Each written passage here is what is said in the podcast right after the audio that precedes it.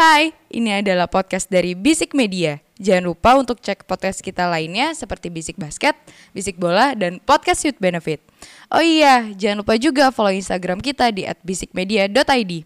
Oke, selamat mendengarkan.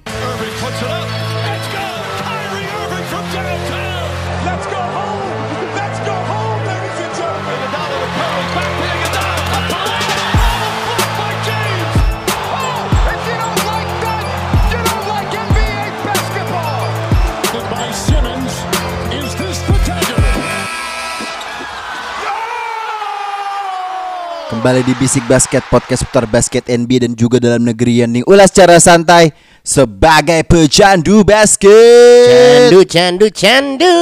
Seperti biasa di tiap episode Bisik Basket bareng sama gue Dimas Yoda Eke Dimsu dan tadi udah ada Ramzi Alam Eke Duzi Eke Komeng Kerem JK Jontor Jeger Jeger Jeger. Boom, boom, boom. Wak wak wow. Kenapa Ji? Kok lemes banget nih? Aduh, memang lagi zaman zaman saat ini. Oh iya iya iya iya iya iya iya. Ya eh, kita sembari ngingetin aja ya. Eh, jadi PSA aja kali ya, Iya. Public Service Announcement. Buat kalian semua para pendengar bisnis basket di luar sana jaga-jaga kesehatan ya. Nih cuaca lagi tidak mendukung, tidak menentu. Jadi kemungkinan akan rentan terhadap penyakit masuk ke dalam tubuh itu sangat besar. Tapi insya Allah bukan XBB kok, tenang aja. PSBB. XBB, XBB sempak? Omikron goblok. Itu apa Omikron yang baru. Oh gua nggak tahu Wah tuh. gila Oh nih. iya emang udah ada beritanya. Udah ada udah masuk Indo cuy. Serius lu? Sumpah. Sumpah. Beneran? Gue baru, Beneran, gua baru, beneran. gua baru dengar itu malah. Beneran, XBB tuh udah udah masuk ke Indonesia. Jadi ya prokesnya di diperhatikan lagi lah di Ya, mung- mungkin udah udah terbiasa di beberapa setahun ini kali udah pada longgar ya kayaknya. Heeh. Mungkin lebih di eh, tingkatkan lagi kali ya pakai Ya. maskernya lagi, terus juga menghindari keramaian. Ya kalau emang kalau keramaian nggak bisa dihindari ya, setidaknya diri jaga diri lah ya. Iya, jaga diri. Ya kan? Jangan sampai kalah pokoknya. kalah sama penyakit, maksudnya kalah sama penyakit. Kalau penyakit. ya. kalau yang keramaian tuh juga lagi rame tuh Ji kemarin tuh Ji. yang dibubarin masa. Apa nih? Eh dibubarin masa, dibubarin polisi. Apa? Yang mana? Acara Oh, itu. Pen- Jadi? ah, ini acara konser-konseran itu loh. sebentar, aku cuma punya pemikiran gini ya. Ya. Kalau misalnya izinnya Ah. diterbitkan, memang izinnya seperti apa? Kok masih tidak bisa ini? Iya juga ya, Iya kan? juga ya. Eh. Tapi emang nih di samping kita sebelum ngomong basket seperti biasa kita intermezzo dulu aja ya. Iya. Tapi emang gua nggak tahu ya beberapa event organizer tuh mungkin menga ibaratnya kayak latah kali ya. Kita udah lama banget eh, hampir dua tahun terakhir nih nggak ada eh, acara kayak konser musik, Iya, iya. kayak gitu-gitu hiburan-hiburan yang seperti itu tuh mungkin dua tahun terakhir kita nggak dapetin.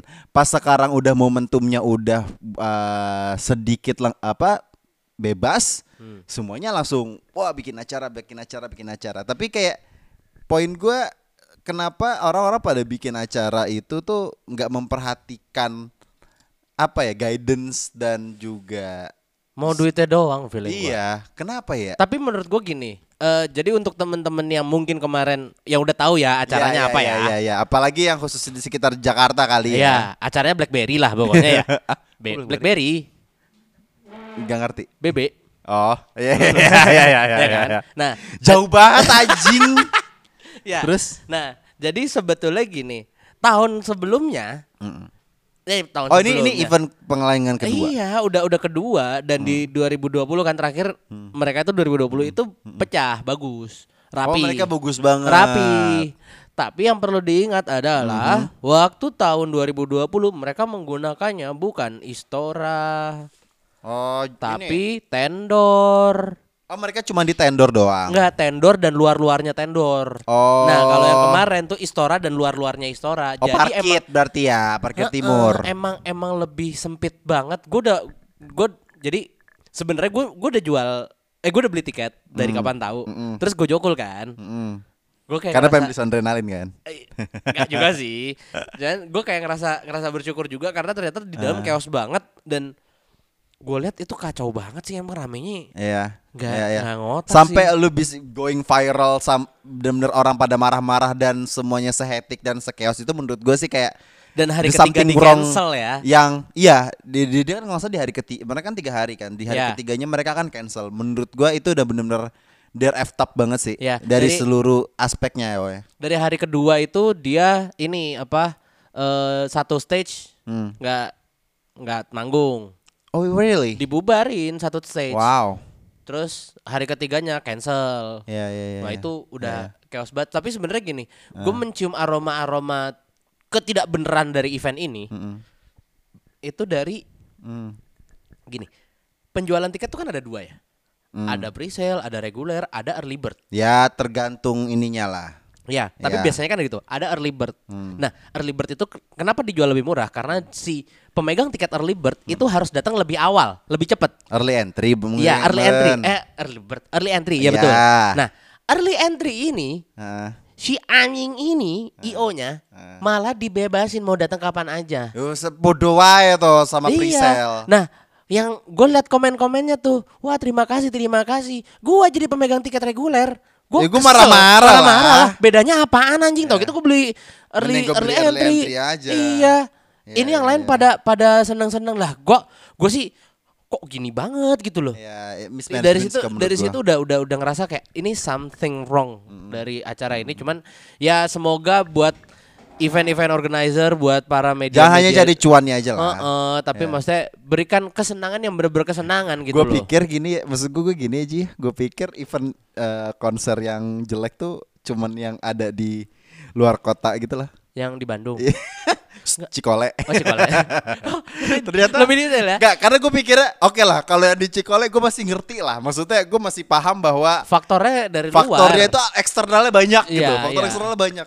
Kalau misal di Jakarta tuh kayak Ya semuanya elah. tuh can be provided gitu Iya, loh. iya, iya. And can be managed gitu loh. Karena emang semuanya tuh udah tersedia gitu loh. Semua faktor SD SD apa sumber dayanya itu semuanya ada resources tuh ada semua gitu loh. Tapi kalau misal sampai manajemen kayak gini tuh kayak I don't know, aneh sih. Iya, dan ya pokoknya eh nggak tahu ya orang-orang kayaknya memang udah bener-bener lagi pengen banget keramaian juga yang kita juga turut berduka cita juga sama yang di Itaewon yang ya. ada di Korea maksud gua ini uh, musibah dalam tahun ini tuh bener-bener up banget ya Iya. terus kalau nggak salah setelah yang di Korea Selatan itu juga ada yang di India itu yang Iya, jembatan juga jembatan.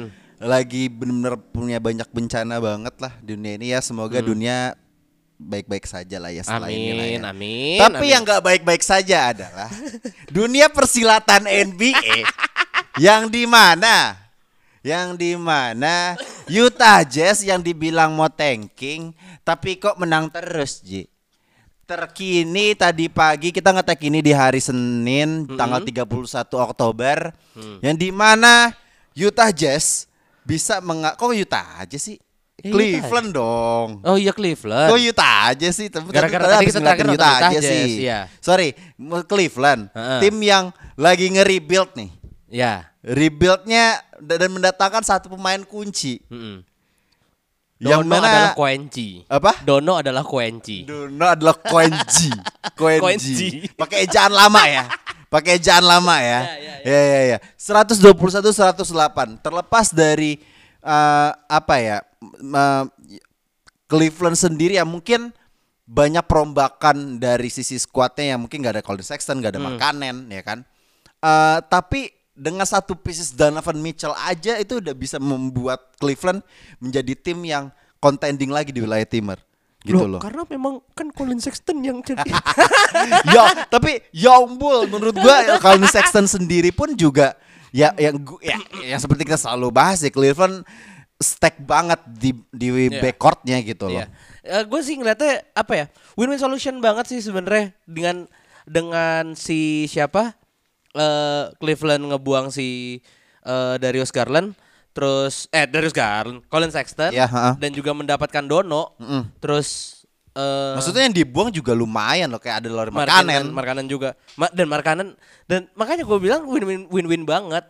Si Dono bisa lebih lepas mainnya daripada di Utah dan di apa? ditularin Covid sama Rudy Gobert kan. Terus Terus Colin Sexton juga lebih lebih bebas mainnya karena tidak ada abang-abangan lagi, Iya. tidak ada Kevin Love. Sorry, sorry gue potong dikit. Apa yang dirasain sama Rudy Gobert ya? Dia udah ngeliatin Donovan Mitchell sama tim barunya dia melangkah jauh. Terus habis itu kayak meme yang tadi lu share gitu loh. Iya, iya. Terus Utah Jazz juga melangkah jauh. Dia ter, apa dia terjebak dengan dramanya Anthony Edwards dan Ken Anthony tahun dengan anjing. dengan Popeyes. Dengan Popeyes. Oke, go on. Nah, itu gue melihat udah win-win banget. Terus juga kalau dari Clevelandnya sendiri emang bener-bener apa ya? Mereka semua bisa emphasize gaya main mereka masing-masing sih. Di mana kayak lu lihat ada D Wade yang baru, D Wade 2.0, Dean Wade maksudnya, bukan Ya. Dwayne Wade. Ya. Terus ada siapa? Okoro bisa main juga, ada Mobley. Jared Allen juga sangat-sangat apa ya? Kalau dilihat kita lihat dari game yang tadi ya, gue sangat-sangat nggak serk sama eh, strategi mainnya Tom Tip gitu loh. Hmm. Karena lu punya center yang apa ya bisa dibilang promising gitu loh. Yep. Di Mitchell Robinson tapi nggak lu pakai gitu loh. Lu cu- balik lagi Randall lagi, balik Hmm. lagi Branson lagi, balik lagi RJ lagi. Ya. Maksud gua lu bisa main post up lo di bawah. Main paksa post up si ini si Mitchell gitu loh. Kasih Randall yang enak. Jadi lebih ke forward Ya. lagi, Ya. cutting-cutting doang. Itu kan lebih maksudnya itu bisa jadi apa ya? Bisa jadi strategi baru juga dan Hmm, nggak melihat eh Mitchell Robinson tuh bisa mengemphasize dia di bawah dan menurut gua Ya. kalau misalnya dilihat sama match up-nya sama Jared Allen, menurut gua dari size masih masih menangan Mitchell Robinson lah. Iya, mungkin mungkin gini sih dari dari saat dari game ter- ini menurut gua eh, Knicks itu bermain face pace banget karena kita melihatnya bahwa Cleveland sendiri eh, ini guardnya ini benar-benar kencang semua, Iya. tipikal yang eh, attacking the rim, yang drive semuanya gitu loh. Makanya tadi di game ini gue melihatnya bahwa Knicks itu turnovernya yang diambil dari Knicks itu benar-benar cepat banget gitu Iya, loh. Makanya mungkin Mitchell Robinson nggak terlalu optimal yang bermain mungkin kalau misalnya dalam pace game ini itu cenderung lambat ba- lebih bermain set play mungkin Mitchell Robinson akan akan lebih iya, iya sih, lebih iya sih. elevate lagi mungkin dari sisi offense-nya maupun juga dari sisi defense-nya tapi kalau menurut gua Mitchell Robinson itu emang untuk eh, ofensifnya dia sendiri itu mungkin emang agak-agak kurang. Tapi kalau dari sisi defensive way-nya menurut gue dia adalah rim protector yang baik gitu Yes, loh. yes. Karena Mitchell Robinson uh, seingat gua dia adalah stealing leaders di musim kemarin. Ya. Makanya menurut gua uh, itu adalah salah satu uh, senjata yang di- bisa digunakan Mitchell Robinson ya ya dia cuman bisa uh, melindungin rim aja gitu Ya. loh. Tapi kalau dari sisi ofensif ya udahlah ada Jalen Brunson juga. Maksudnya kalau dari Hmm. Iya, sisi gimana, gimana ya, menurut lu tentang Jalen Brunson? worth every money lah. Gue gua awal-awalnya tuh bener-bener skeptis banget dengan Iya, iya, Jalen iya, Brunson. Maksudnya ini orang yang di Dallas Maverick nih baru berapa musim, kemudian baru bisa menunjukkan di satu momentum, Iya, dia hanya di di, playoff. playoff. Kemudian dia statistiknya kalau nggak salah dia tuh 23 points per game musim Nyet, ini. serius lo? Baru baru baru ya kalau nggak salah kan game. baru tujuh pertandingan Iya, kan. enam atau tujuh But it's game. a huge number Yes, gitu loh. Dia yes. menunjukkan bahwa dia berguna banget untuk Knicks dan juga dia kan lebih ke point guardnya ya jadinya mungkin dia adalah orkestratornya Knicks untuk saat ini gitu loh Yes. dan terbukti menurut gua dengan adanya Jalen Brunson semuanya lebih ke utilize menurut Ya. gua Evan Fournier di shooting untuk kalau tadi lihat beberapa temnya di corner Ya, ya, ya ya. kan kemudian RJ juga udah mulai pede Julius Randle ya bisa Ya main gitu-gitu pick and aja. roll juga dengan Oh, main ya. Jalen Brunson kalau buntu Jalen Brunson juga jadi decent decent guard yang di mana ya dia bisa nyetak poin juga gitu loh. Ya, dan gue sukanya Jalen Brunson tuh nggak Ya. nggak terbebani dengan Betul. price tag-nya dia yang baru gitu loh. playing udah lepas aja iya, gitu iya, loh. Iya, Gua But- menurut gue beberapa pemain yang sekarang maksudnya apa ya? Yang dapat kontrak yang mendadak ya. Iya. Maksudnya dia mendadak Iya. banget kan. Tiba-tiba ya tuh kan makanya kita kan gue bilang gue juga gue sebagai fans Knicks ini gue skeptis banget dia adalah salah satu guard kalau nggak salah top 10 termahal di NBA saat Hmm, ini yang di mana dia baru banget kita baru kenal dia kemarin gitu loh. Iya. Iya sih dan itu tetap tetap berani, tetap hasil juga. Gue suka banget. Hmm. Cuman sangat disayangkan emang dari defense-nya Knicks sih kalau di Iya. game ini ya. Iya, gua defense-nya defense-nya agak-agak Gua Tapi setuju. emang iya sih masalahnya lu juga nggak bisa ngang- mandang sebelah mata si Cavs gitu loh karena semuanya bisa nembak, semuanya bisa ngedrive. Iya. Ini mau ngapain lagi lu lu bisa Iya, gitu loh. Iya, iya, iya. Si iya. Dean Wade itu juga bisa bisa nembak bisa berapa berapa Iya, iya. per berapa dia awal Iya, tuh. iya, iya, iya. Makanya kalau gue pribadi Knicks ya memang karena karena dari game ini pun juga yang double digit itu ada lima pemain ditambah dengan ada Isaiah Hart Hartenstein juga dia 16 poin eh sorry 12 poin gitu. Tapi terlepas dari itu semua Cavaliers emang menunjukin bahwa Ya. kalau musim kemarin mereka di awal itu tuh mereka udah ya there there belong there gitu loh. Jadi top Ya. papan atas tim wilayah timur. Dan membuktikan bahwa kayaknya mereka benar-benar bisa bersaing melawan Bucks di wilayah timur sih. Dan mereka udah bisa meninggalkan bayang-bayang pemain yang langsung aja nih ya udah lu gak usah pakai bridging lagi gua udah tahu arah lu mau ke sana Enggak maksud gua maksud Ah. gua di luar di luar dari itu ya, di Iya, luar luar di luar dari itu. maksud lu. Iya. Tapi maksudnya nggak maksud lu yang gua perjelas gini loh, this is the new era of Cleveland Yeah. Cavaliers after LeBron gitu loh. Yeah. Maksudnya ini ini bener-bener era yang baru banget dan menurut gua ya gua gua bakal sangat apa ya? eh, terlalu dini juga kalau gua bilang ini dinastinya si Cleveland ya. Cuman Yeah. menurut gua ini udah jadi sesuatu yang baru, sesuatu yang fresh banget buat Cavs dan menurut gua wah gua nggak sabar sih. ini kalau- adalah eh, dan eh, take notes juga di di game ini dari sekarang belum main Iya. Makanya itu. Iya. Jadi menurut gue nih Cleveland Cavaliers saat ini adalah the real proses yang diinginkan Sixers dari dulu. Iya. Dan masalahnya, masalahnya gini. Di game sebelumnya kalau Ya, nggak salah, game ya. sebelumnya lawan Knicks, Cavs tuh kan ketemu Boston ya. Menang Ah, tuh. iya Boston. Eh, Menang, iya, Cok. Boston ya, Iya, Boston ya. menang. Aha. Karis Levert sama Donovan Mitchell 41 poin. Anjing maksudnya apaan coba? Ah. 82 goblok. Mhm. Maksudnya ini mereka Oh benar-benar ya, I forgot about Caris Iya, Levert ya. Karis Levert juga ada di situ. Ada Jared Allen juga. Evan Mobley sih. Iya. Evan They're, Mobley sih. they're so complete young players. Yes, Maksudnya yes. ditambah dengan pemain Ada- yang berpengalaman ada Dono, ada K-Love juga mungkin Iya. dengan experience-nya. Heeh. Wah kacau kacau. Ngeri sih emang Ngeri, Cleveland ngeri, sih. Ngeri, ngeri, ngeri. Untuk saat ini Cleveland itu ada di peringkat em, dua, dua. dua. Cuman berjarak satu pertandingan sama eh, Bucks. Ya Bucks yang masih punya telur Bucks kan? cuma lima, baru lima pertandingan. Masih punya telur. Iya, kalau Cleveland udah enam kan. Tapi by the way, menurut gua Cleveland nih emang karena di wilayah timur pun sendiri tim-tim yang kayak kemarin Bulls dan juga Heat pun or Lagi. even Nets Ya. Terlepas Or even Sixers. Six- Makan tuh proses. bahkan tuh dua maut tidak ada maut maut mau ya maut ke jurang kalian emang.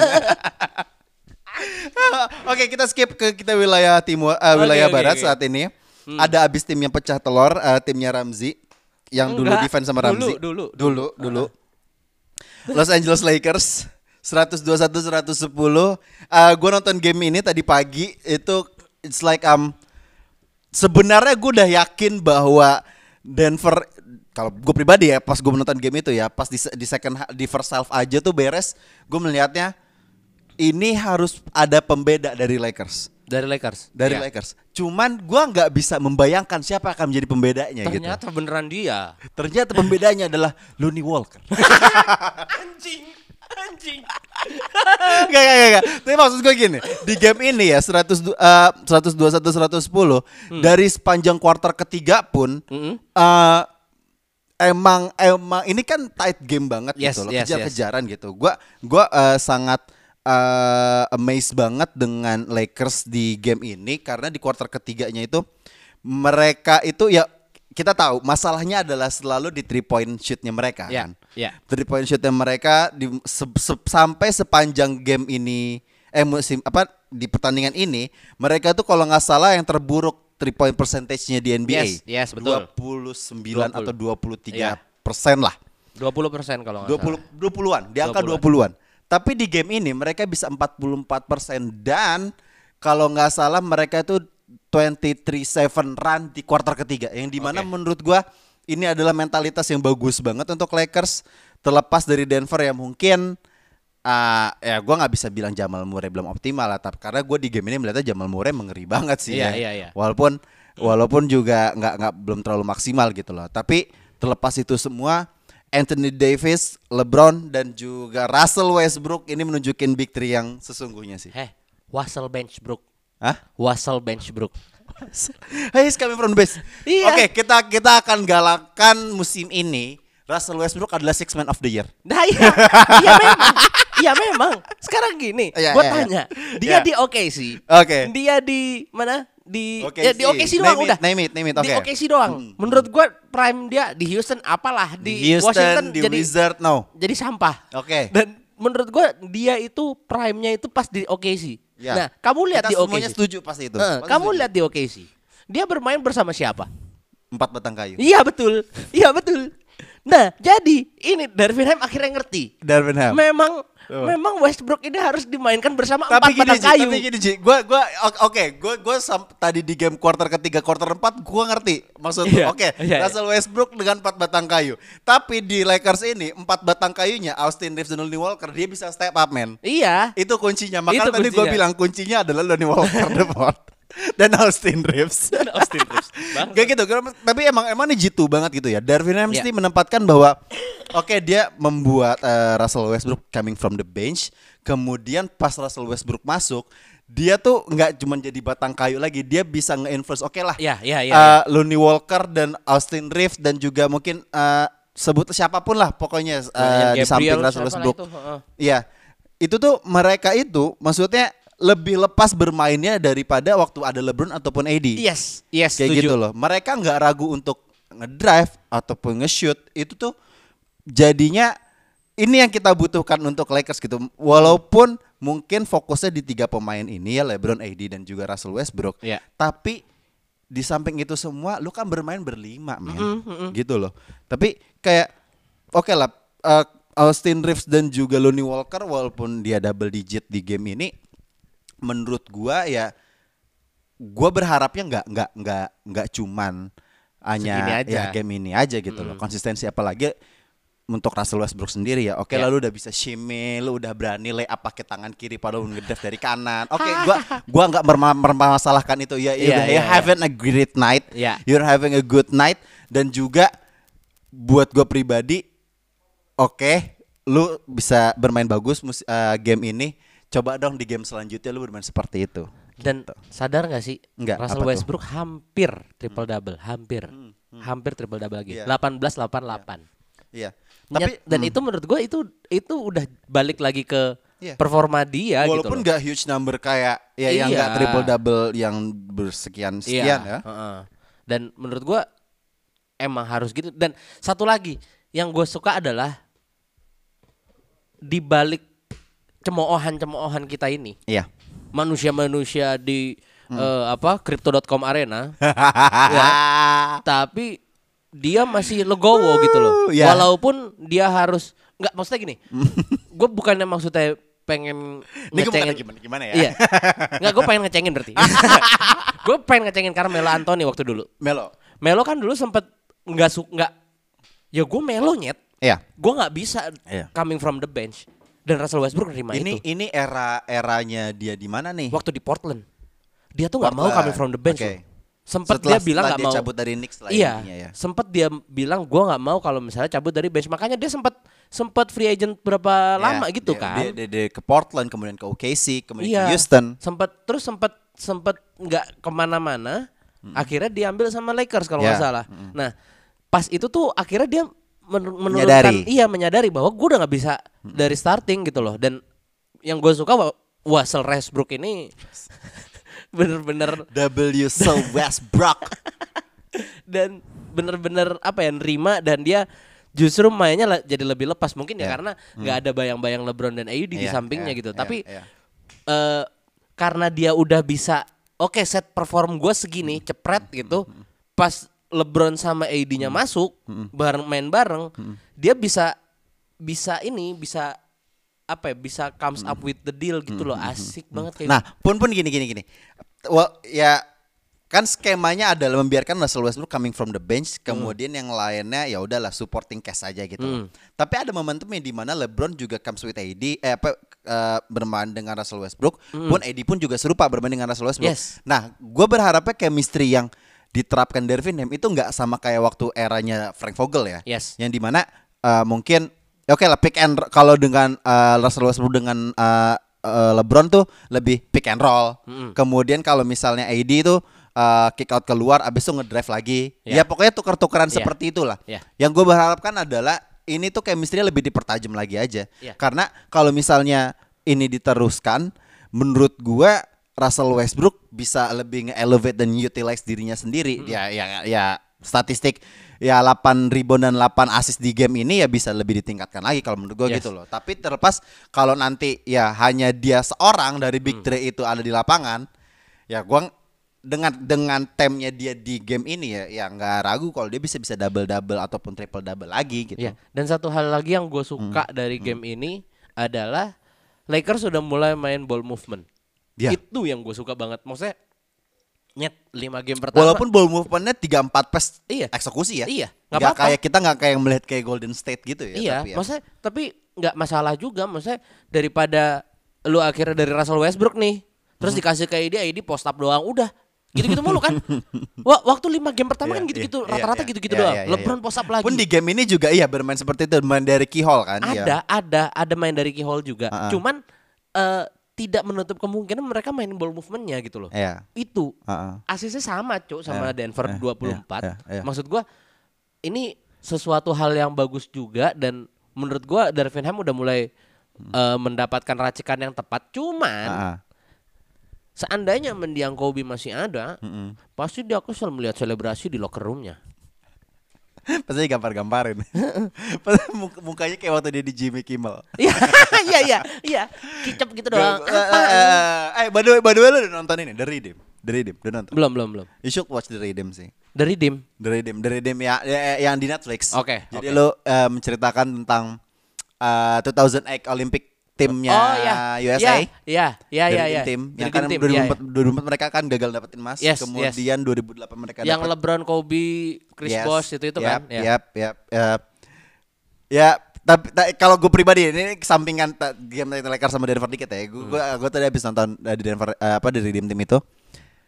Menurut gue lu akan setelah lu nonton itu lu akan agak sedikit bergeser bahwa emang LeBron tuh masih jauh banget dari MJ. Lu harus ngelewatin Kobe dulu, men. Iya emang, gue setuju kok. Gitu. Gue setuju. Ya kalau buat buat orang yang yang kayak mungkin bias LeBron dominance atau something something, something ya ternyata emang lu membutuhkan sosok yang bener-bener mentality champion sih. Iya, iyalah. Jauh. Ya udah.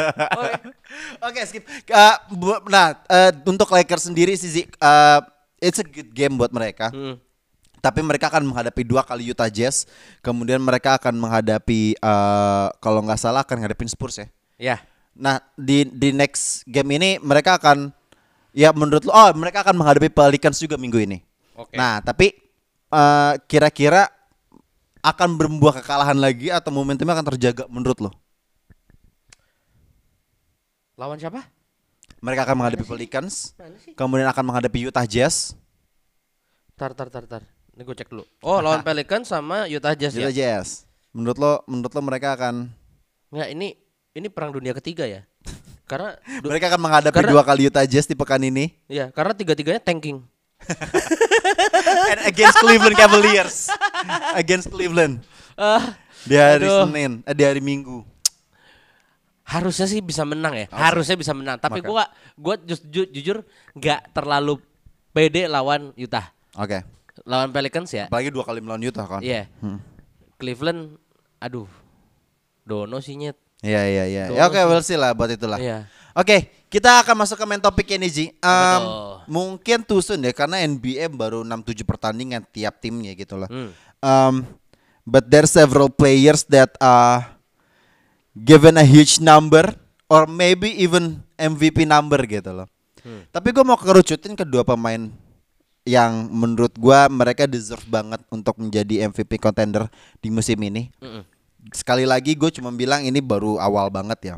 Tapi di awal aja mereka udah gaspol banget bisa sampai 30 Iya. points per game gitu. Hmm. Jamoran dan Luka Doncic. Dua nama ini menurut gue pantas banget untuk disandingkan untuk disebut sebagai salah satu calon MVP regular season musim ini ya. Uh, with all due respect with uh, Giannis ataupun juga mungkin siapa lagi yang bisa dibilang MVP? Russell No. Enggak. Enggak dong. Tidak Ada dong. Julius Randle. Dong. Ya Gue juga gak mau ngomong Jalen Brunson juga. Tapi pengen dong ada dari Knicks. Tahu. Gak, gua, gua, gua gak mau. Gua, gua gak penting itu tuh apa apa namanya individual title tuh gak penting. Yang penting playoff. Dah. Ya ya ya ya ya ya. Atau mungkin uh, Trey Young Ya. atau siapa pun lah. Tapi Jamoran dan juga uh, Luka Doncic ini adalah dua nama yang uh, young players atau mungkin bisa dibilang bahwa next wajah NBA. Tapi kita nggak tahu nih siapa yang akan mendapatkan MVP duluan. Menurut gua salah satu pasti akan dapat gitu loh. Iya. Atau dua-duanya mungkin dapat, tapi kita nggak tahu siapa yang pertama. Menurut lo, kira-kira dari dari kita analisa dulu deh. Maksudnya lo bisa bol- jela- boleh jelasin untuk Jamoran dulu atau mungkin Luka Doncic dulu gitu. Ja bener-bener megang kendali dari si Memphis. Timnya, oke. Iya. Kalau lu lihat mungkin dua-duanya juga megang kendali banget ya. Iya, Cuma setuju. yang, yang gue lihat kalau ya tadi aja kita udah ngeceng-cengin ini rosternya Mavericks kan. Yap. Anjing. Gitu sebelum ngetek ini kita bisa damn Dallas Mavericks so being good this Iya. year. Second unitnya aja kayak tim tanking. Anjing banget. Itu sekarang ini aja. Second unitnya ada tim Hardaway, Spencer eh eh, Spencer Spencer mungkin coming from starting five ya. Heeh. Tapi kan ada Nick apa Dwight Kleber, Powell. Kleber. Ada Kleber dari starting five dong. Oh ya, Kleber, Tapi ya, ada tapi Powell. kayak apa Dwight Powell. Eh Dwight Iya, Powell. Dwight, Powell. Dwight, Dwight. Dwight Powell. Kemudian ada tim Hardaway. Itu kan pemain-pemain yang lu bisa lihat di tim tanking yang bakal menjadi starting five gitu loh.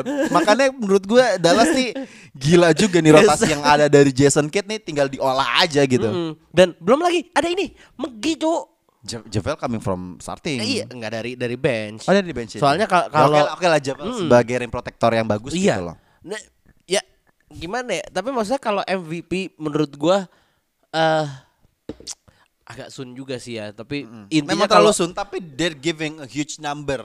Dan mereka serius banget kayak gaspol banget untuk sebagai MVP. Berarti ya oke masih ada lap, masih ada 70 pertandingan lagi deh. Oke Iya, gua ngerti iya. gitu loh. eh kayak Kita belum belum sampai All Star break juga kan. berarti gini aja, kita berangan-angan gacuan kita siapa ya antara Iya, Luka iya, sama gitu Ja aja, gitu ya. Gitu aja. Gua masih Dan pegang alasannya kayaknya dari dari dari 6 7 game yang baru jalan ini lah. Gue masih ngeliat Luka sih. Luka, Luka ya? Luka can do all things, man. Maksudnya, He can do all things. iya kalau Ja oke dia juga bisa ngelakuin apa pun, tapi eh Ja tuh identik dengan highlights, Oke. bukan identik dengan Always giving a, a huge Sparks. number tapi Gitu. kayak huge highlight juga gitu. Mm, ngasihnya tuh sparks. Kalau misalnya si Luka tuh ngasihnya W gitu loh. Ah, ah. Sorry itu saya bukannya bukannya bukan yang dengan jamuran yang highlight highlight kayak gitu, cuman gue nggak melihat eh Ja itu efisien. Oke. Kayak mungkin dia bring back our memories about Derrick Rose ya, pasti jelas. Cuman physicality dan gaya Iya. bermainnya tuh di yang Derrick Rose banget. Eh, loh. eh, dan ya kak, tapi kalau menurut gue dari dari segi kematangannya, gue ngeliat di Luka Luka bisa ngapain aja sih soalnya gila tuh orang. Ya. Satu hal yang pasti dari Luka adalah dia udah bisa membawa Dallas Mavericks melangkah jauh di conference final Ah kemarin. itu itu Ya. itu aja udah He jelas. banget. already proved that with him alone ya Ya. samping ya, siapa pun yang ada di Porzingis Dallas waktu kemarin itu, Jalen ah. Brunson lah kemudian Dinwiddie ya tapi emang Luka giving a huge impact buat timnya Ya. Di, lebih besar daripada Jamoran untuk di mana pun Memphis timnya gitu. ya. Tapi karena Memphis ya kita melihatnya bahwa oke tadi kita udah setuju sebelum game sebelum ngetek ini kita tadi habis ngeliat Memphis gaya bermain seperti apa Eh. Dylan Brooks, Desmond Bain, Stephen Adams. They're giving a huge impact juga Iya, gitu loh. iya. Bener-bener membantu Memphis yang menjadi tim yang sangat kolektif. Yap. Tapi kalau Dallas emang Emang udah kolekan Men. eh kok kolekan. 44 poin kita kita sering banget lah melihat bahwa Dallas Maverick kalau misal dari statistiknya aja dalam satu pertandingan pasti kita akan melihat eh ini nih nih ya ini ini, ini, ini. atap rumah nih Hmm. atap rumah nih ang- eh, angkanya si Dallas eh, si Luka Doncic nah Ubin tuh pemain yang kedua skorernya huge gap banget gitu loh itu kan membuktikan bahwa ya Iya. dia tuh se se impact itu untuk timnya gitu Tapi sebenarnya kalau lu lihat ya, nggak segitunya. Seenggaknya atap rumah am- sama loteng lah. Nggak jauh-jauh Iya. banget. Soalnya Iya, second iya, iya, unitnya. sorry, gue terlalu hiperbola, Nggak, maafin. Soalnya second unitnya menurut gua ka- di saat nggak ada dia, itulah second unit. Di saat itulah mereka semua step up gitu loh. Oke. Ngerti nggak? Jadi eh, oke kalau misalnya dia ya mungkin gue gue bisa lihat. Gue tadi kayak mau ngecengin gitu loh pas kita nonton highlightnya Mavericks. Udah bener-bener kayak ini mah bukan highlightnya Mavericks ini udah highlightnya Luka anjing. Iya. makanya itu, makanya itu Ya tapi ya emang tapi di saat Luka lagi di bench semuanya bisa main juga. Tidak masalah gitu. Iya iya Dinwiddie ataupun uh, tim Hardaway maksud gua Ya. kayak mereka tuh bener-bener ya udah deh lu Iya. lu mau ngapain deh gue support aja gitu Iya. tapi ntar uh, pas lu lagi istirahat kita semuanya yang ngelakuinnya Iya. tapi kalau misalnya Ja dengan Memphis Grizzlies ya oke Ja adalah yang tadi seperti lu bilang gue setuju dia adalah highlight player lah maksudnya ya highlightnya Bleacher dan juga NBA itu pasti akan ada dia gitu loh akan menjadi jadi konten aja tapi tim-tim pemain-pemain yang ada di Memphis itu bener-bener Emang level up juga bener dia. level up juga nggak nggak cuman hanya jamuran aja gitu. Iya. karena kita menduganya bahwa ya udah jam Memphis Grizzlies ya dibantu ya akan ada jamuran nggak juga men Iya. yang terakhir kemarin Dillon Brooks eh Dillon apa Desmond Bain yang abis nyetak 30 something point Oh ya. Iya iya. Iya kan? Iya, iya, iya, Itu kan membuktikan bahwa oke, nggak ada jamuran, kita masih bisa step up. Tadi aja di game kalau nggak salah against Utah, Utah Jazz, Jazz. dia bisa tight game, nggak ada jamuran. Itu kan berarti kan Memphis Grizzlies kan ya gua nggak kenapa-napa kalau nggak ada jamuran. Tapi kita lihat kalau misal Dallas Mavericks seperti apa. Kayak ada Luka Doncic. Tim Eh, iya, iya. Emang porsinya jauh lebih gede Luka daripada Ja ya. Iya. That's why kenapa itu yang menyebabkan gua Iya. mem- menggacoankan apa sih? Menjagokan, Kacau. menjagokan sih Luka untuk kalau menjadi- mau naruh di sini juga nggak apa-apa loh. Ya maksudnya Aku butuh kita butuh cuan. Hah? Ya, ya. Lanjut. Tapi maksud gua, maksud gua itu itu alasan utamanya kenapa kayaknya Luka lebih lebih pantas untuk dibilang sebagai apa? MVP. Dan FYI musim ini eh, sepanjang baru ini baru eh, 6 pertandingan ya untuk Dallas Maverick ya. Luka Doncic udah statistiknya udah 36 points per game, 9,5 rebound dan 9 assist hampir triple double, cum. Nah itu. Itu. Triple double. Gua gua nggak tahu ya mungkin Giannis ataupun mungkin uh, Trey Young ataupun siapa pun lah ataupun Devin Booker gua nggak tahu angkanya seperti apa tapi dua pemain ini menurut gua adalah yang terdepan lah untuk MVP sekali lagi gue bilang masih terlalu dini too soon kita belum Yap. ketemu All Star break belum ada 20 30 pertandingan di regular season tapi dua pemain ini udah benar-benar nunjukin kayaknya gaspol banget buat jadi MVP ya Dan sebenarnya kalau boleh jujur ya, don't sleep on Dono juga sih. Don't sleep on Dono. Oh ya, juga. Dono, Dono, Dono Dono. serem banget, Cuk. Dono. Gue tuh tadi sempet dapet eh, postingannya Bleacher apa siapa ya? Eh, waktu di Utah Hmm. dengan kondisi dia 6 game tuh dia points per gamenya cuma 20-an. Sekarang tuh 30-an. Mungkin ini uh, attack dari gue ya Ah, dan mungkin lu juga bisa setuju sih Ji. Gue yakin lu bisa setuju. Gue jadi gue bilangnya bahwa our tag aja kali ya. Donovan Mitchell is gonna be an all star starting this year. Yes, yes, yes. Menurut yes, gue, Yes. dia udah pindah di wilayah timur sekarang. Persaingan guardnya udah nggak ada. gue Iya. walaupun jahat ya ngomongnya, tapi dengan statistik dan uh, performa yang uh, dimiliki Donovan Mitchell bersama Cleveland is gonna be starting di All Star tahun Iya ini. pasti sih fix fix banget. Musim eh sorry di musim ini. Kalau di barat lu punya Ja di timur lu punya Lebih Dono. Donovan Mitchell. Iya, dan Ya. Dono lebih lebih lebih matang gitu. lebih matang dan kita kita sorry sorry tuh saya kalau menurut gua eh di wilayah timur pun guard yang lagi sebagus Donovan Mitchell ya teammates dia dari Garland. Iya. FYI ini ya. Heeh. Points per game ya. Heeh. Points per game eh, leaders di NBA. Heeh. Pertama Luka Luka. 36,7. Iya. Di yang Bon kedua. Janis Oh, Giannis. 34,4. Oke. Tiga Ja 32,6. Keempat Dono. Iya kan? 32,2.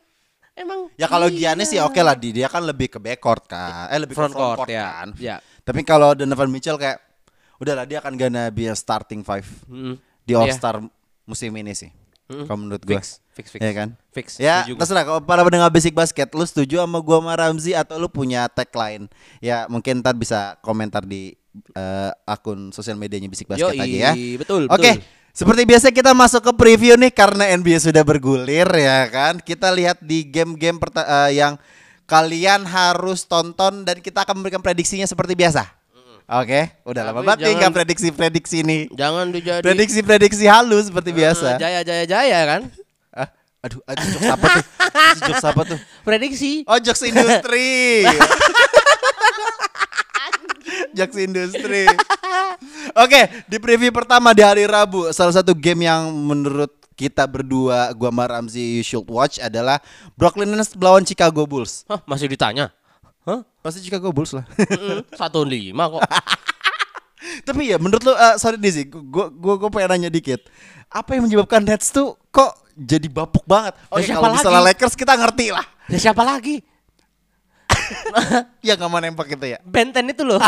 yang nggak mau nembak. Iya. Udah diomelin sama Yang- sama teammates ya. yang udah apa namanya? Udah nge-steal terakhir tuh, ya Iya. kan? Malah ngasih ke KD buat Iya, ngedrive kan sempak. udah nggak sepercaya diri itu orang itu. Iya, anjir. tapi eh, despite of those things happen ke dia ya. Iya.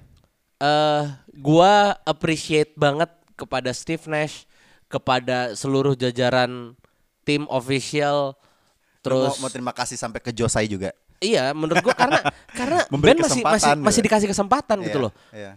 Heeh. Dia gua gue juga nggak mau aduh emang susah sih. Gua nggak nggak pengen ngebela cuman menurut gua kondisinya sekarang Ben harus dibela sebenarnya. Iya, Walaupun kita ngomongnya tetap gocengin ya. Iya. Tapi di si- di si- sudut hati saya Iya. ada rasa duh kesian juga ya.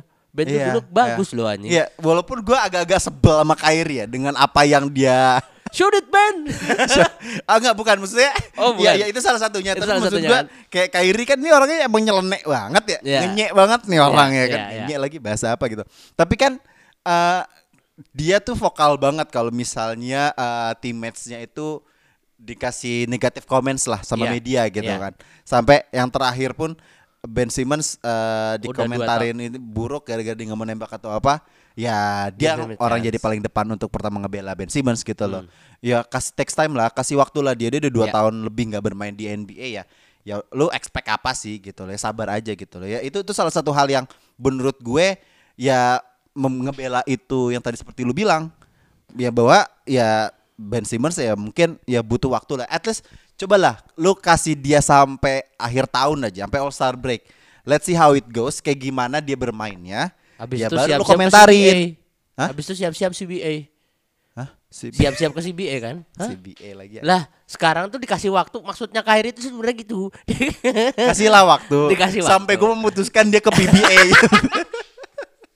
Euroleague aja nggak ada tempat aja. Nih, dikasih dikasih waktunya. Langsungnya CBA aja. dikasih waktunya ternyata buat ini buat packing memang enggak enggak tapi mak- maksud gua ya karena eh, Eh. oke lah gue juga ngerti kok masing-masing orang beda segala macam lalala lili bacot Yoi. tapi maksudnya men Clay juga kayak gitu kok kondisinya Jamur juga kondisinya kayak gitu Iya, iya. tapi mereka masih bisa tetap hayu gitu hayu Hmm, gitu karena menurut gua gini Kalau kalau Clay dan Jamur kan jelas they, they're having a bad injury gitu. Iya, iya. Heeh. Ini kan injurinya di otak kamu memang kan? Selalu loh. Ini gue udah hitung-hitung udah lima episode kita selalu ngecengin dia Lah, gitu. loh. iya, tapi maksud gue gini. Dengan mental problemsnya dia gitu. Aduh, ya Allah. Kalau gue tuh selalu percaya, Heeh. jangan berharap untuk keadaan untuk berubah. Yoi. Tapi lu, yang harus lu rubah adalah diri lu sendiri. Betul, setuju banget sama Mas Ramzi Nah, hashtag gitu. quotes of the day. Tapi ya bener maksudnya ya ya ya, ya lu gimana? Lu udah di supporting dengan seluruh jajaran Iya, teammates lu.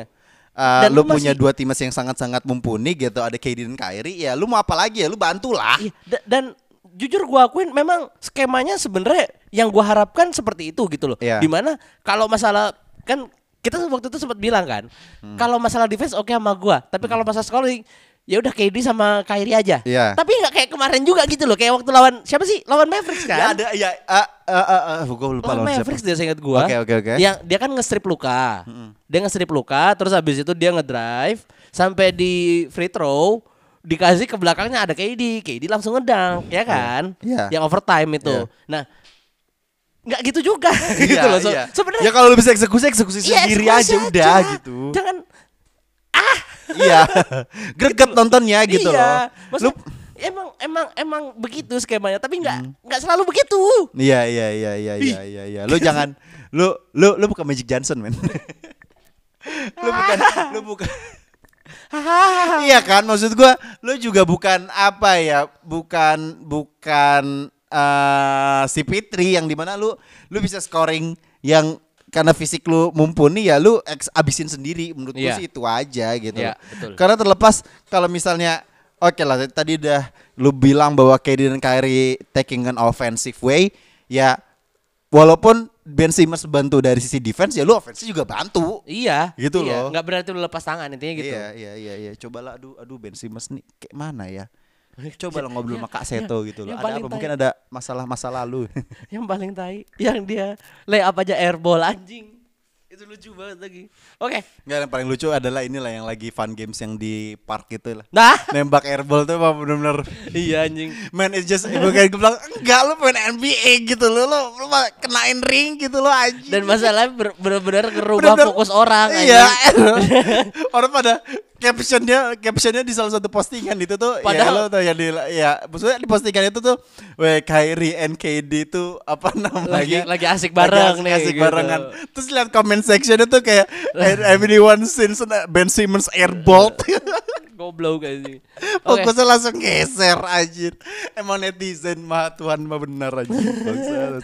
Oke di game kedua Di hari Kamis Lah ini ada oh berarti udah jelas ya? Oh ya jelas Lo, Jelas lo ya? apa Brooklyn Chicago Nets? lah. Chicago. Apaan Gua- sih gua Brooklyn juga- Nets? Gue juga Chicago sih juga Iya iya karena, menurut gua Zach Levine juga wah lagi lagi oke lah, lagi nah, gacor. nah, kalau misalnya untuk Bulls sendiri oh, Rata nih role-nya Kalau de, Demar, de, Demarnya bisa jadi offensive playernya Kayak ada Caruso dan juga mungkin Kayak beberapa Vucevic masih main gak sih? Iya masih masih. Vucevic tuh udah ya udah di defensive nya gitu Iya. dan dan seluruh unitnya dari Bulls Ada itu kalau juga. gue lihat tuh bener-bener hasilnya tuh Hmm. Bukan bukan tim yang mediocre ya walaupun mereka sekarang masih di struggling di papan tengah cuman kayak menurut gua ya gue berharapnya sih Bulls bisa playoff spot lagi sih kayak musim kemarin gitu. Dengan kondisi tim lu yang nggak banyak berubah ya. Ya, betul, betul, betul, Terus juga oh iya congrats juga buat DeMar DeRozan udah 20 ribu 20 plus. poin salah satu pemain yang Selut. ya legend lah nanti lah dia. mm. Garanti Hall of Famer lah. Yoi, Tapi kita nggak tahu betul. kapan. Oke. Hari Kamis. Nah, ini game selanjutnya untuk Lakers nih sih lawan Pelicans. Udah. Pelicans. Oke. Gampang. Lanjut di hari Kamis di hari Jumat kita coba. Nggak Lakers menurut gua. Oh, seriously? Serius. Serius. Karena udah Keeping ketemu. momentum ya? Iya, karena udah ketemu ininya. Ka dan gua nggak melihat Pelicans itu apa ya? Gua nggak melihat mereka tim yang bermain dengan pace cepat. Iya dan Jadi dengan bermain set play set play menurut gua Lakers harusnya ini gonna be a iya. great game for them. Iya dan gua nggak melihat Zion udah nunjukin gitu loh Ya, sesuatu ya, oke, aja oke. tuh Iya, nggak iya. nggak ada But, but BI ada. dan CJ McCollum kan masih Ah, si exist do- gitu. si J doang si J juga tuh sebenarnya bukan superstar gitu loh menurut gua. Hmm. Even waktu dia di Portland superstar dia tuh cuman jadi apa ya? second uh, iya, beta second, male aja. second, second Beta scoring player option aja, Ah, ah, dan ah. lu akhirnya lu ngerasain kan beratnya jadi first scoring option gitu loh Iya, dan lu iya, nggak nggak iya, kuat iya. kayaknya gitu. Karena gini, kalau menurut gua adalah uh, Pelicans nih apa ya? Kita selalu tahu bahwa satu tim itu pasti akan punya franchise player. Hmm. Dan juga eh, franchise player tersebut adalah wajah dari tim itu yang bisa menjadi leadernya juga. Iya. Tapi kalau Pelicans tuh gue nggak melihat ada, Ada sosok pemain itu. tersebut. Oke lah Zion, tapi kan di sebelum Zion ada BI yang mumpuni juga. Iya. Terus sekarang juga kemunculannya ada si Jimmy McCollum juga. Jadi ini ini taking a taking elite siapa nih? Iya, iya. Kalau menurut gue Pelicans tuh tim yang kayak gitu gitu loh. Lo Sebenarnya- punya unit eh, punya punya aset yang bagus, tapi arahnya mau ke mana? Hmm. Sebenarnya yang gua yang gua lihat tuh sebenarnya mereka pengen ngebuat Zion tuh jadi mukanya, cuman nggak Zionnya nggak siap, Ya, gitu ya, aja. Despite of their in- Uh-uh. uh, of his injury prone ya. Iya, gitu sih. Ya ya ya, ya, ya. But ya Pelicans dengan segala problematikanya lah. Tapi kalau misalnya Lakers tanking dan paling bawah Nggak, ini ini lucu banget kemarin tuh gua habis ngecek kan kalau misalnya Lakers emang lagi tanking nih anjing banget goblok banget Iya. buat demi mendapatkan Wembanyama masalahnya picknya tuh yang punya Pelicans juga. Iya, itu, lucu dia. banget ya. Itu dia. kalau dia- dia tanking Sama aja, sekarang. Yang, yang tankingnya Lakers yang beranda Lakers, yang ketawa Pelicans anjing. Iya, anjing goblok, goblok. ya udah yang dapat pemainnya mah Pelicans anjing anjing. Nggak mungkin dong ditukar sama Zion, nggak mungkin lah. Eh, tidak mungkin. tidak dong, mungkin. Tidak mungkin dong, tidak mungkin. Mm-mm. Oke, Oke, lanjut. lanjut. Eh, berarti lu pilih Lakers. Lakers. Um, Lu? gue sebenarnya pengen pengen banget Lakers jaga momentum, tapi it's gonna be a tough game gitu ya. Pelicans um, overtime dan untuk Lakers. Ah, gue nggak yakin oh. gue yakin overtime sih. Gue nggak yakin oh teh sih kawa-kawa aja. Ya. Aduh, pokok hijau. Terakhir di hari Jumat, Philadelphia 76ers melawan New York Knicks. Ini tim sama-sama di tengah lah, udahlah, sama-sama di tengah. Sama-sama tanking apa sih? Kalau Tanking. gua nggak ya, Tankingnya nggak jadi-jadi ini. ini ini ini tim yang dua-duanya ini percaya proses. Yang satunya benar-benar proses dengan asetnya, tapi tuker-tuker terus tapi nggak nggak menang-menang, ya. Sama satu lagi nih tim yang katanya big market nih ya, tapi kagak jelas juga gitu loh. Dapetin pemain bagus juga kagak, all star player enggak gitu loh. James Harden loh.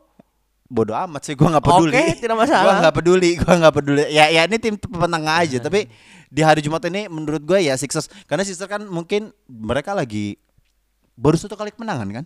Satu apa dua Yang kemenangan Tyrese- doang yang gitu. loh. Tyrese They're gila banget. They're struggle gitu. Jadi buat gue pribadi apalagi Knicks kalau nggak salah juga momentumnya lagi bagus. Mereka lagi 4-3 pertandingan. Hmm. Empat kemenangan, tiga kalah. Menurut lo?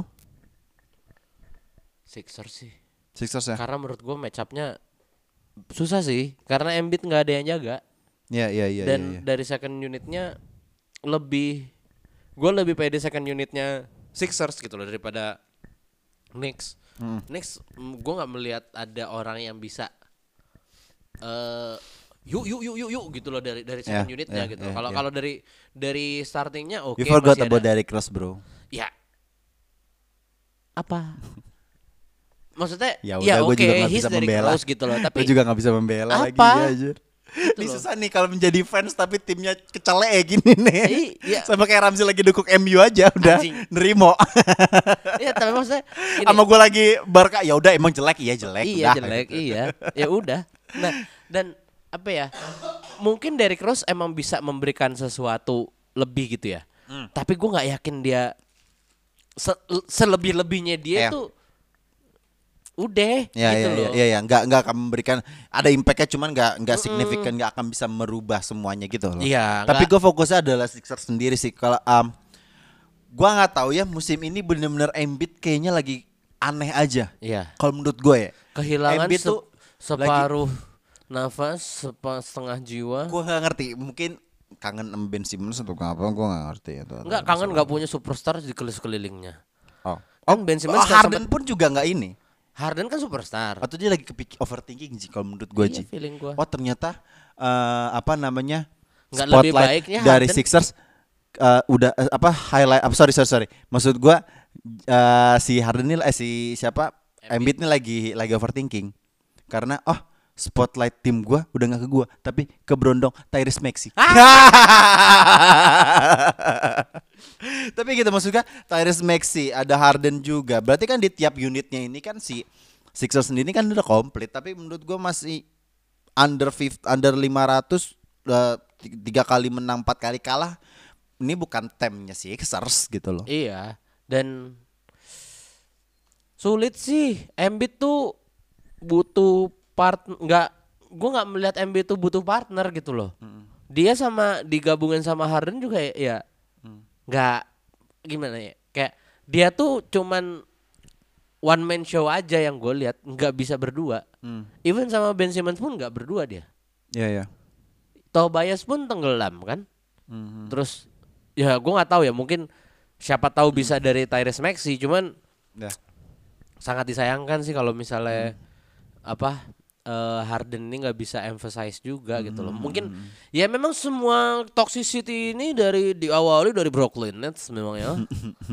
Gara-gara eh, dunia jadi tidak seimbang ya kan karena KD dan Kyrie. Iya tapi ya gini gini gini. Eh, mungkin emang Embiid musim ini eh, baru tujuh pertandingan, tapi statistiknya dia dia udah 27 poin, eh, 9 rebound dan 5 assist menurut gua itu eh, angka yang cukup lah emang Oke. all star number gitu loh. Ya. Tapi kita kan tahu bahwa eh, di Sixers ini nggak hanya ada dia doang All Star-nya, ada Harden juga. Nah, menurut gua Hardennya inilah yang yang harusnya bisa nge-emphasize dirinya yang di mana ya lu harus berikan lebih gitu loh. Walaupun di dua game terakhir ya dia udah 30 poin sih ya lebih gitu loh.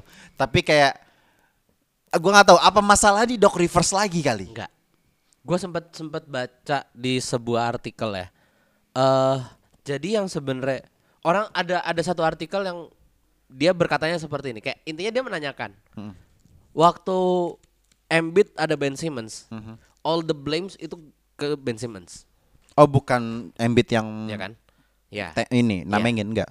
Enggak, maksudnya semua semua kesalahannya tuh langsung di di kasihnya dilampiasinnya ke Ben Simmons. Oh, jadi jadi scapegoat-nya lah ya. Ya. Sekarang dengan adanya Harden yang dikambing hitamkan si Harden karena dia nggak bisa ngeliat apa segala macam lalala lili. Kenapa nggak ada yang nge kambing hitamin si Embiid? Padahal Embiid tuh waktu itu eh concernnya tuh adalah gini. Simple. DeRozan, Ah, eh DeRozan, Kawhi, Toronto, buzzer beater, game 7. Yang jaga siapa? Embiid. Nah, Ah. dia yang nggak pernah bisa comes up di saat big games Mm-mm. dan At the crucial moment gitu ya ya. at the crucial moment dia hilang selalu hilang Iya. dan kenapa nggak pernah ada yang nyalain Embiid Hmm. gitu loh ini ini ini gua wah ini pas gue liat hu hu hu, Bener juga menarik ya. juga, Bener gitu karena ya sekarang gini lu selalu melihat Embiid tuh kayaknya sedik daya itu sebenarnya enggak ya enggak juga free throw dia juga biasa aja nggak Iya, nggak bagus-bagus banget Tapi dia adalah center dengan foto terbaik di NBA, gue setuju. Memang, tapi at the crucial moment dia tuh suka hilang. Inkonsistensinya itu yang Iya, iya. dipermasalahkan sama si yang bikin artikel waktu Iya, itu gitu iya, loh. iya, iya. Dan apa ya kayak lu tuh kalau misalnya dapat apa ya? Do or die games gitu lu nggak ada, lu nggak bisa ada di situ. Iya, iya, iya. Itu. Iya, benar-benar. Lu setuju nggak? Setuju- eh, gimana ya? Gua melihatnya bahwa M Iya ya, maksudnya gue gue setuju gue gue juga baru menyadari bahwa dari semua apa yang udah dijalani dari Sixers beberapa tahun terakhir yang di mana mereka menggadang-gadangkan trust the process ya Hmm. sebenarnya ya emang kayaknya jajarannya Sixers ini sayang banget sama Embiid sih Iya. kayak anak emas banget gitu loh. Jadi apa pun yang terjadi gitu loh, at the lowest moment yang terjadi pada Sixers, ya pokoknya jangan taking Embiid as a mistakes. Scapegoat, Pokoknya iya, pokoknya jangan jangan ambil Embiid jadi jadi kambing hitamnya gitu loh. Cari korban yang lain aja gitu loh. Ya mungkin tadi ada Ben Simmons, kemudian sekarang mungkin Harden yang mungkin bermasalah. Jadi kayak menurut gua ya ayolah Mas Embiid lah. Jajaran direksinya orang Indonesia ya, kok demen baca cuci tangan sih? Ada. kan lagi pandemi. Ah, tapi poin gua adalah ya ya itu maksudnya mau mau sampai kapan eh, lo nggak bisa bekerja sama dengan tim lo, Nah, itu. lo nggak bisa mempercayai teammates lo, lo udah dibantu dengan all star player, udah ada waktu itu sempat ada Ben Simmons, mungkin ada Tobias juga yang selalu nemenin lo dan sekarang juga ada Harden dan ada youngster sekali Tyrese Maxey menurut gua lo nggak punya alasan lagi Iya. untuk lu nggak bisa menguasai wilayah timur dan bisa ke NBA Finals menurut gua itu sih.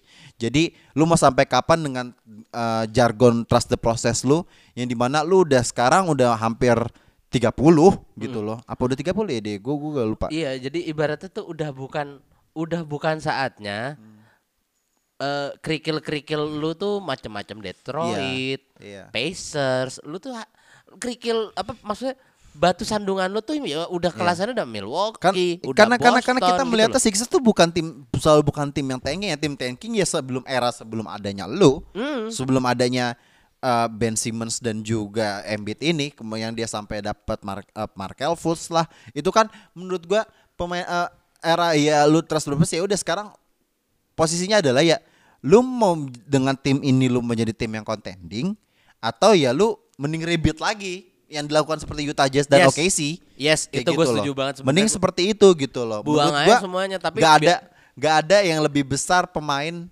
dari tim tersebut, franchise Biar- tersebut. iya, Yoi, biarkan Tyrese. Maxey-nya tuh jadi kayak SGA. Iya, ya mendingan mendingan seperti itu kalau menurut gue. Maksudnya surrounded by Karena kan ini ya Embiid, Tobias dan Harden kan nggak murah gajinya nih ya kan. Iya. Ya, mendingan lo rebuild sekalian gitu. loh. Heeh. Lu Kalau aset lu pasti dapat banyak itu. apa? Dapat banyak aset itu.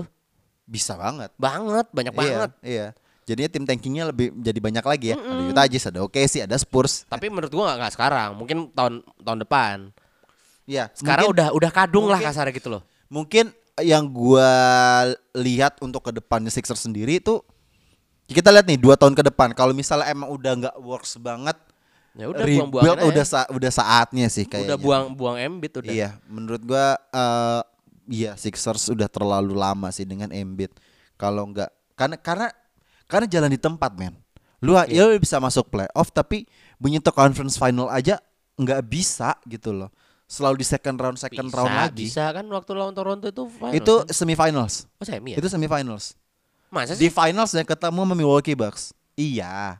Iya, itu Western Oh, iya itu Iya, Eastern iya. Conference fin- semifinal. Oke, oke, oke. Iya. Oke, oke. Era Toronto kan juara kan? Iya.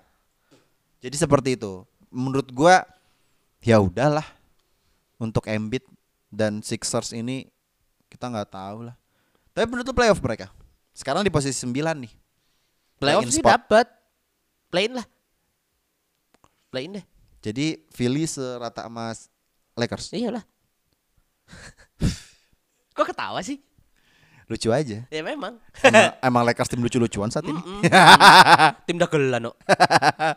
Oke, sekian dari episode Bisik Basket kali ini. Um, uh, gua Dimsu. Gua Ramzi. Selamat menikmati NBA. We're signing out. Bye. Bye. Jaga kesehatan ya guys.